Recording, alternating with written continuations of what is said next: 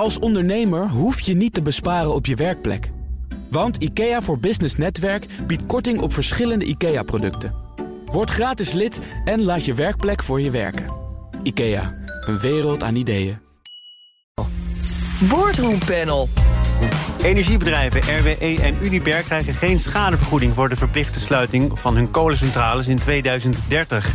En de rechter tikt uitvaartverzekeraar Jarden, inmiddels overgenomen door Dela, op de vingers omdat het bedrijf opdrachten voor uitvaarten achterhield voor franchise-nemers. Dat en meer bespreek ik in het Boardroom Panel. En daarin zitten Ilona Haier. Zij is uh, commissaris bij Corbion, het zuivelbedrijf Glenbia en het uh, muziekgebouw in Eindhoven. En Lizzie Dorenwaard is hier ook. Onder andere commissaris bij ESSO Nederland en toezichthouder bij de NPO. Lizzie, om maar meteen te zeggen, daar gaan wij niet uitgebreid op door. Want dat onderzoek loopt nog, daar kun je op dit moment weinig over zeggen. Als het moment daar is, dan kun je een uitnodiging van ons verwachten. Welkom. Dankjewel.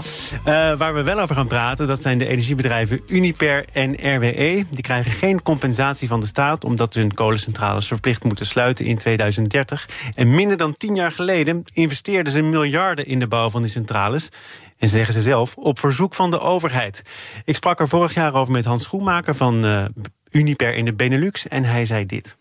Dat was in 2005, 2006. Hè. Er was toen een grote nood onder de uh, energie-intensieve industrie, aluminium, staal, uh, noem maar op, zink. En um, die konden niet concurreren tegen, tegen de bedrijven, de conculega's in, uh, in de omringende landen. Dus er moest, als ik het heel plat sla, goedkope stroom komen. En dat kon alleen maar kolenstroom zijn. En dus ja, kwam er een, een, een, een benadering van de, van de overheid naar een aantal bedrijven. Overigens niet wij alleen, maar uiteindelijk zijn wij wel het verst gegaan. Uh, van ja, kunnen jullie dat realiseren? Nou, toen nog E.ON, hè, we zijn voortgekomen uit E.ON, had een aantal opties in Europa om die centrales te bouwen. En dat hebben ze uiteindelijk in Nederland gedaan, om die reden. Ilona, en nu pak een beetje, kleine twintig jaar later, dit lot voor RWE, voor Uniper. Snap je dat ze daar verbolgen over zijn? Ja, dat snap ik wel. Maar ik snap de uitspraak van de rechter ook wel. Dus het is natuurlijk weer zo'n geval van. Nou, ligt er maar bij de kant van het verhaal toe. Waarom kun nou ja, je begrijpen dat die energiebedrijven toch zeggen: dit komt er ons hard nou ja, aan? Kijk, als je een investering hebt gedaan en je hebt daar nog niet uh, de tijd voor gehad om dat, daarop terug te verdienen, dan komt het voor elk bedrijf natuurlijk uh, vervelend om de hoek als dat niet meer mogelijk uh, is. Um, dus of dat nu in dit geval is of in andere gevallen. Dus ik snap dan dat je verbolgen bent. Zeker als je het gevoel hebt dan wel als het feitelijk zo is, dat je daartoe dus die investering bent aangemoedigd door de overheid en dan uh, het beleid uh, wijzigt. Nou, dat beleid, energiebeleid is ook niet het meest steady beleid geweest de afgelopen tien jaar. Dus ik kan me aan die kant dus iets voorstellen. Aan de andere kant, ja, we zitten nou eenmaal met klimaatdoelen en met, uh, met een, een. De richting lijkt me duidelijk, namelijk weg van kolen en naar hernieuwbare energie. Dat kan geen verrassing zijn. Um, en ook niet voor deze bedrijven. Dus um, uh, naast het puur juridische uh, kan dat geen verrassing zijn dat je daarop richt en dat ze daar niet ook proactiever in zijn geweest. Want nou, wat ik begrijp, hebben ze ook hun eigen uitstoot in de laatste jaren niet verminderd. Ja, dat zegt de rechter ook. Hè? Ja. Als je de afgelopen jaren ziet dat er te weinig is geïnvesteerd in het reduceren van CO2-uitstoot, ja, dan moeten we toch ook zeggen dat die bedrijven zelf nalatig zijn geweest. Maar had dat nou, denk je, veel uitgemaakt in het uiteindelijke lot voor Uniper en RWE, als ze hadden kunnen laten zien de afgelopen jaren hè, bij onze reductie bewerkstelligd? Nou, weet ik niet, want er zit natuurlijk een puur juridisch aspect aan wat ik niet ken. Dus contractueel en afspraken technisch weet ik niet wat er gebeurt. Dus wat ik tussen de bedrijven door ook lees van in het vervolg maken we betere afspraken. Dus misschien is dat niet helemaal goed gebeurd. Ja, dat, um, volgens mij was het uitgangspunt dat CO2 voor een belangrijk deel zou worden uh, opgevangen. Ja, dus, dus, dat daarop, niet gebeurd? dus daar doorgaan. Het zou best kunnen zijn dat er uh, wat meer ruimte zou zijn geweest in de uitspraak als ze dit wel hadden gedaan. Dat er dan bijvoorbeeld iets langer termijn of iets meer overdracht of iets dergelijks meegenomen zou zijn. Maar als ze gewoon dat helemaal niet hebben gedaan, ja, dan wordt het ook allemaal, denk ik, uh, wat meer op de scherps van de snee. Lizzie, ik probeer jou in te schatten. Ik denk niet eens dat jij dit een grijs gebied vindt. Ik vermoed dat jij de rechter hier volmondig gelijk geeft. Um, of niet? Ja, ik, uh, en da daarbij een rechtelijke uitspraak kun je ook niet ter discussie stellen. Hè. De, nou, je kunt een hoger beroep gaan. Ja, volgens dat, mij dat, dat, doen ook, dat gaan ze ook doen. Um, maar in dit geval zijn investeerders natuurlijk wel gewaarschuwd uh, om uh, in ieder geval, wat jij net ook zegt, Ilona, hun, het juridisch beter af te dekken. En uh, ten tweede is het een waarschuwing dat je ook bij investeringen uh, heel erg wendbaar moet zijn. Dat je alternatieven moet hebben als er wetgeving, die, zoals de rechter ook zegt, uh, die ze hadden kunnen zien aankomen. Het, als er regels komen, dat je in je investeringen ook een, het anders kan gebruiken. Dus daar, ja, dus, daar moet je gewoon meer op letten. Het, het verzoek is gekomen aan het eh, begin van deze eeuw. De uiteindelijke bouw heeft op zich laten wachten. Maar er is vermoedelijk toch ook in onze perceptie van hoe belangrijk dit is... wel iets veranderd in die periode. Nou, dat klopt. Maar zoals RWE, die heeft zijn, uh, zijn in, instelling geopend op in, in 2015. Midden in de klimaatcrisis, kun je zeggen. Dus dan kan je verwachten van een goed bedrijf... dat ze anticiperen op ook ander gebruik van de installatie. Dat ja, dus, maar Ilona is hartstikke netjes, zegt uh, keurig dat het energiebeleid niet het meest steady beleid is. Ja. Ja, dat blijft natuurlijk wel iets wat hierboven hangt. En dat die bedrijven nu zeggen, als ons nog een keertje wat gevraagd wordt... Ja, investering in waterstof, in kernenergie... dan gaan wij er nog een keertje over nadenken. Ik begrijp zeker dat uh, die, de bedrijven niet uh, blij zijn uh, met wat er gebeurd is... en dat ze ook zeggen het is onrechtmatig. Maar de rechter heeft duidelijk gezegd het is niet onrechtmatig. Er is een overgangsperiode. De bedrijven hadden het kunnen zien aankomen. En daar ben ik het wel mee eens. Het enige wat niet juist is, dat er een inbreuk is gemaakt op het eigendomsrecht. En uh, de bedrijven vinden dat ze daar ook in gecompenseerd moeten worden. Nou, daarom gaat er ook nog wel een hoger beroep. Um, maar wat is de les voor de overheid? Want, want je hebt nu wel te maken met grote bedrijven, die ook voor Nederland van belang zijn, die het investeringsklimaat te onbetrouwbaar vinden om zich te committeren aan eventuele volgende grote investeringen. Ja, nou, ik vind vanwege het onderwerp energie dat we het misschien net ook nog even ergens anders over hebben. Dus je komt hier bijna op het gebied, uh, wat we misschien straks bij, bij IHC ook zien, van geopolitiek. Hè, en, en van wat nu uh, voor een land of voor de wereld van belang is. En we zitten natuurlijk echt wel met een energietransitie en naar hernieuwbare energie. En je ziet met een vraag die nog aangewakkerd wordt door de oorlog in de Oekraïne: van is nou energievoorziening een nutsvoorziening en moet de overheid het overnemen? Uniper is nou in handen van de Duitse overheid. Het is geen privébedrijf meer. Het is nu genationaliseerd. Overigens, tussen haakjes, de Duitse overheid had Uniper ook gevraagd niet deze rechtszaak door te zetten. Maar goed, haakjes Dan kan ik nog wat haakjes sluiten, want er bleek een andere variant van de rechtszaak te zijn die ze wel konden doorzetten. Precies. En vandaar deze dus. Dat is ook allemaal weer niet zwart-wit. Maar omdat het om energie gaat uh, uh, en je de vraag stelt van wat moeten bedrijven nu met een overheidsbeleid. Nou ja, omdat het om energie gaat, kom je in het gebied nu, denk ik, de komende tijd van nutsvoorziening, overheid. Uh, versus uh, laat het maar aan de markt over. Uh, dat die discussie gaat oplaaien, uh, onder meer op dit vlak, dat zal me niet verbazen. En dat is natuurlijk al zo. Maar dat je in die energietransitie zit en die duurzame bronnen nog niet helemaal toereikend zijn voor wat er nodig is, dat is toch uitgerekend dit jaar bewezen doordat Robjet een beroep gedaan heeft op deze kolencentrales ja, de, om vol te gaan draaien. Gaan dus nu ook nog niet standpeden dicht. Dus, ze hebben een overgangstermijn, dus dit jaar gaan we daar echt niet last van hebben dat deze uitspraak is gedaan. En ja, er is een transitie. Daar is ook beleid op nodig, denk ik. Daar heeft, vind ik, de overheid ook niet uh, een steady beleid gevoerd. Biomassa wel niet, hout verbranden wel niet. Um, daar had je, denk ik, wel al wat eerder je huiswerk op kunnen doen. Dat er dan transitie nodig is van uh, fossiele energie uh, naar hernieuwbare bronnen en dat er naast elkaar iets blijft bestaan een tijdje, lijkt me logisch. Um, en daar is nog wel wat huiswerk uh, op te doen. En daar binnen die kaders kunnen dan bedrijven ook prima investeren. Maar dan moeten die kaders wel op een gegeven moment staan. 2030, dat is de harde deadline. Gisteren was op deze zender CDA-Kamerlid Henry Bontebal te horen. En die zei: laten we proberen om met deze bedrijven en de overheid, hoe verhard inmiddels de verhoudingen ook zijn, tot een deal te komen om hen ertoe te bewegen eerder dan 2030 te stoppen. Denk jij dat gezien die verhoudingen dat haalbare kaart is, Lizzie? Uh, nou, zoals in de, deze rechtszaak zit, uh, zou je zeggen: nee, dat is geen haalbare kaart. Maar het zou wel mooi zijn. En wat ik hoop dat dit soort rechtspraak uh, ons helpt, ons allemaal helpt, om ons gedrag te veranderen en om ook de bedrijven uh, meer te, proactief, zoals jij het zegt, Ilona, proactief te laten uh, bedenken. Wat kunnen we doen eerder dan dat regelgeving ons dat vraagt? Want die klimaat, uh, het klimaatdrama is gewoon bezig. Daar moeten we in bewegen. En niet pas als de overheid het ons afdwingt, maar gewoon omdat we daar verantwoordelijk voor zijn. Je ziet in de regelgeving en ook de governance code uh, gaat die kant op. Maar het is toch niet zo gek dat als je in totaal 3 miljard investeert in een kolencentrale, dat er voor het bedrijf ook een belang is om dat bedrag terug te verdienen? Dat begrijp ik. Dus uh, had de, moet die kolencentrale dusdanig gemaakt worden uh, dat die ook op een andere manier in te zetten is, wat wel past bij onze klimaatproblemen. We gaan naar deel 2 van dit panel. Komt ie aan. BNR Nieuwsradio. Zaken doen. Thomas van Zeil. Het boardroompanel is het gast en dat bestaat uit uh, Lizzie Dorenwaard en Ilona Haier. De rechter tikt Jarden, inmiddels onderdeel van uitvaartverzekeraar Dela, opnieuw op de vingers. De uitvaartverzekeraar zou franchise-nemers benadelen bij het uitbesteden van opdrachten voor uitvaarten.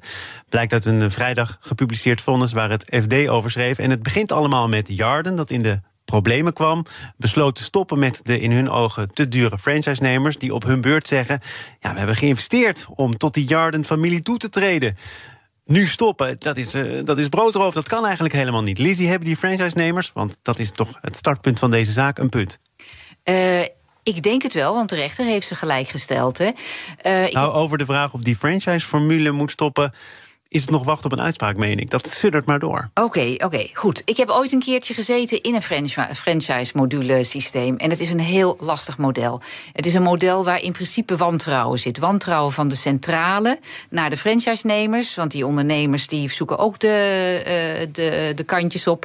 En uh, wantrouwen van de franchise-nemers naar de centrale... waarvan ze nooit het vertrouwen hebben dat, ze hebben dat die uh, het goede met hun voor hebben. Want die centrale wil ook zoveel mogelijk verdienen. Dit geldt voor het hele model? Dit franchise-model is gewoon vragen om problemen. Nou ja, het is, uh, het, dus in elk model zitten negatieve kanten. Dus in dit model zijn dit de negatieve kanten. Een, eigenlijk een wantrouwen naar beide kanten die heel erg snel uh, oplopt. Uh, dus die franchise-nemers hadden het, hadden het gevoel dat ze onvoldoende doorgestuurd kregen. Hè, uh, klanten doorgestuurd kregen zoals er afgesproken was. En het lijkt erop dat het klopt. Dat ze terecht klagen dat zij niet vanuit die centrale klanten doorgestuurd krijgen. En dat is natuurlijk wel hun bedrijfsmodel. Als jij geen klanten doorgestuurd krijgt, 90% van hun klanten moeten ze doorgestuurd krijgen van de centrale, anders hebben ze geen werk.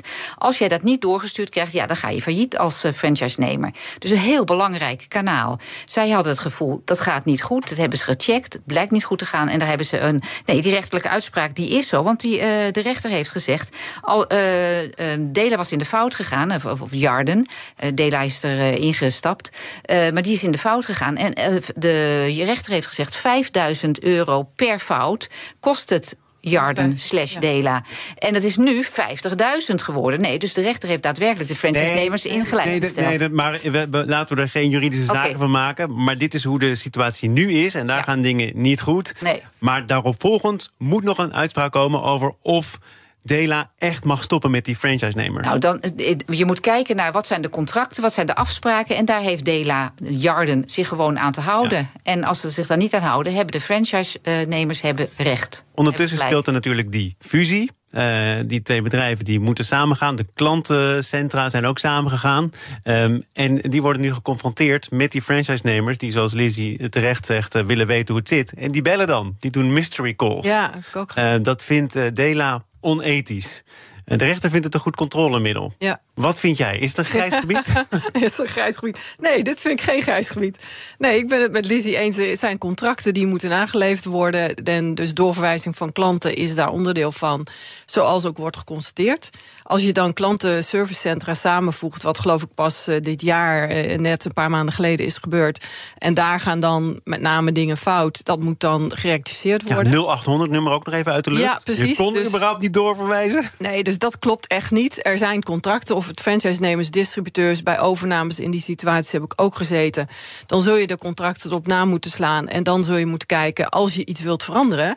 wat je mogelijkheden zijn. Is dat contract uitdienen? Is dat afkopen? Wat is het? Dus er zal ongetwijfeld op een gegeven moment een onderhandeling op volgen.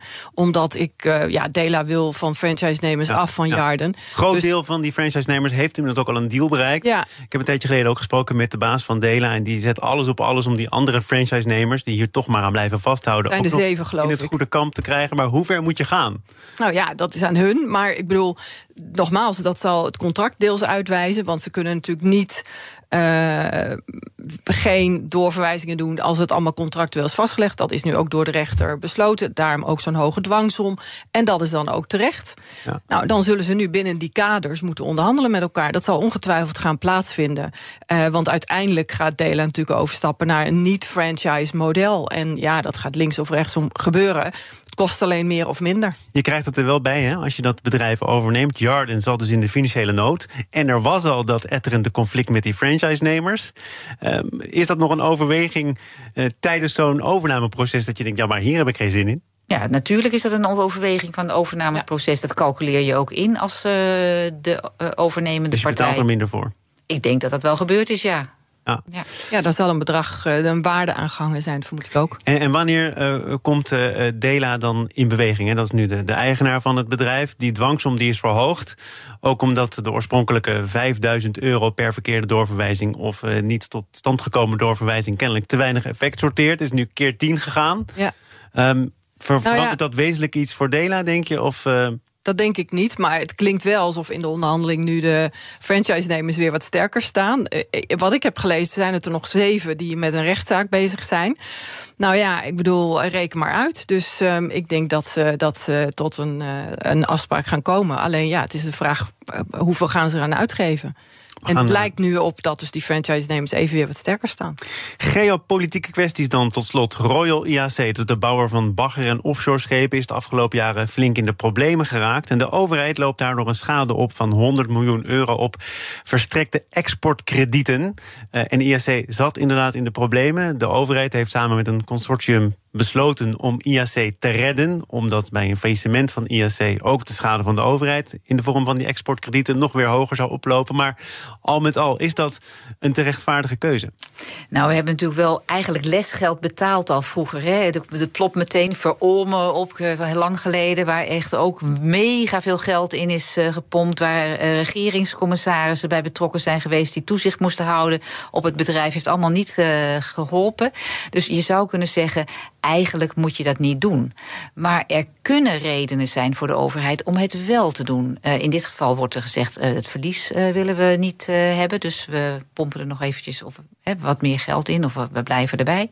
maar er kunnen ook andere redenen zijn. Bijvoorbeeld als IHC bijna omvalt, dat het overgenomen wordt door eigenaren die je liever niet in Nederland ziet. Dat zou een reden kunnen zijn om te zeggen: Nou, we willen toch blijven steunen. En dan wordt er snel gewezen naar China. Ja, nou dat sentiment wat natuurlijk is groeiende. Hè? Uh, ASML, nou noem maar op, allerlei kritieke uh, tussen haakjes uh, industrieën. Dat sentiment duikt denk ik hier wel ook op. Ik heb natuurlijk zelf ook vier jaar bij Boskalis gezeten als commissaris, dus ik ken de wereld ook een klein beetje. Maar het sentiment, en zij zaten in dat consortium overigens ook. Um, dus dat sentiment dat duikt hier zeker wel op. Hè. En als je het weer koppelt aan klimaat en waar deze bedrijven dan goed in zijn, hernieuwbare energie, maar ook het verhogen van, uh, van dijken, van uh, het beschermen van uh, gebieden zoals Nederland. En waar ligt uiteindelijk in de wereld dan die kennis nog? Dus ik, uh, ik vermoed dat dit zeker meepraat met, uh, met, met deze situatie. Maar wat voor en dat bedrijf, wat voor bedrijf eh, red je dan nog? Want uh, het ja. gaat nu over die exportkredieten. Hè. De overheid moet via het radius daarvoor nu gaan lappen... omdat schepen veel duurder bij een klant terecht zijn gekomen... Ja. en ook nog eens veel later. En dat ja. wordt dan gedekt. Dat risico wordt gedekt via de overheid. Dus dat is alvast een, een probleem dat je kunt constateren. Het is te complex, het duurt lang en het wordt ook steeds duurder. Het winstgevende onderdeel van het bedrijf staat te koop, begrijp ik, staat in de etalage. En het orderboek is leeg. Nou ja, kijk, ik denk dat we voor een deel, uh, hoewel de Rekenkamer destijds al kritiek had op Wiebes dat hij erin stapte, maar dat ze echt voor een deel dit niet hadden kunnen voorzien. Net als niemand niet dat uh, die oorlog zou beginnen, uh, dat we met COVID zouden zitten en dat dus de logistieke keten in elkaar donderde, de containerschepen niet meer aan, enzovoort, enzovoort, enzovoort. um, dus een deel is oprecht hier staalprijzen niet voorspelbaar geweest. Dat heeft natuurlijk de situatie in de hand gewerkt dat Deme en McDermott niet wilden betalen. Nou, daar zit je weer juridisch in je contractensfeer, waardoor IHC in nog zwaarder water uh, terechtkwam. Ik begrijp dat ze dit jaar, hoewel nog niet gepubliceerd, toch lichte zwarte cijfers schrijven. Ehm, dus ik kan me voorstellen dat je de tijdelijkheid mogelijkwijze hier mee laat praten met, uh, met wat je nu doet.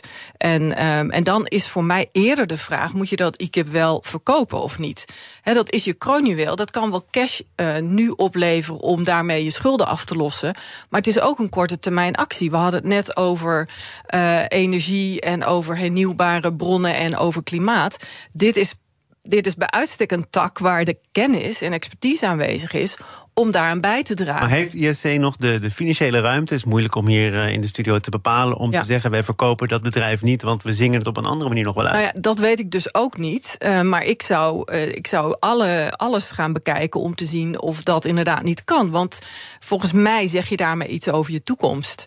En, en dan kun je het nu wel op korte termijn redden. Maar ja, is het daarmee als geheel gered? Terwijl je in zo'n uh, interessante hoek zit. Er zullen ongetwijfeld genoeg kapers op de kust voor zijn. Dat Jij, vermoed ik ook. Wat, wat, moet je doen om ik het ben, tegen lijf te redden? Ik ben met Ilona eens. Uh, dus in dit geval zou ik, als ik in de schoenen van de overheid stond, niet meteen uh, de boel terugtrekken, maar kijken hoe ik uh, deze tijdelijkheid zou kunnen ondersteunen. Met het risico dat je uiteindelijk in een verolmde terecht, situatie terechtkomt. Maar dat, ja, de tijd zal het leren. Maar in dit geval zou het mogelijk zijn dat het echt tijdelijk is. Maar over die overheid gesproken. Ik begrijp dat de overheid van plan is om een deel van de geleden schade via die exportkredieten toch nog weer op IAC zelf te gaan verhalen. 67 miljoen.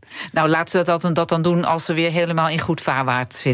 En niet nu. Want dan, want, dan... Hoe doe je dat? Want het is een tamelijk kale kip, toch? Als ik het zo alles. Uh, ja, dus ga dan ook nu nog even niet plukken. Maar goed, we hebben natuurlijk niet het kijkje in de keuken, weet niet hoe het financieel nu is. Ja, doe dat dan maar als je het knoopt aan je eigen klimaatbeleid als overheid zijnde. En wat wil je nou voor elkaar krijgen in Nederland op dat vlak? Dan moet je misschien even alle, alle stukjes van de puzzel bij elkaar vegen. En dit zou er één kunnen zijn.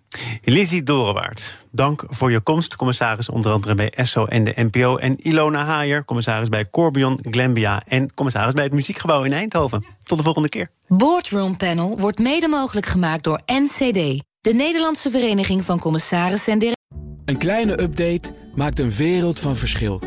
Daarom biedt IKEA voor Business Netwerk... gratis snelle interieurtips en ideeën. Word gratis lid en laat je werkplek voor je werken. IKEA, een wereld aan ideeën.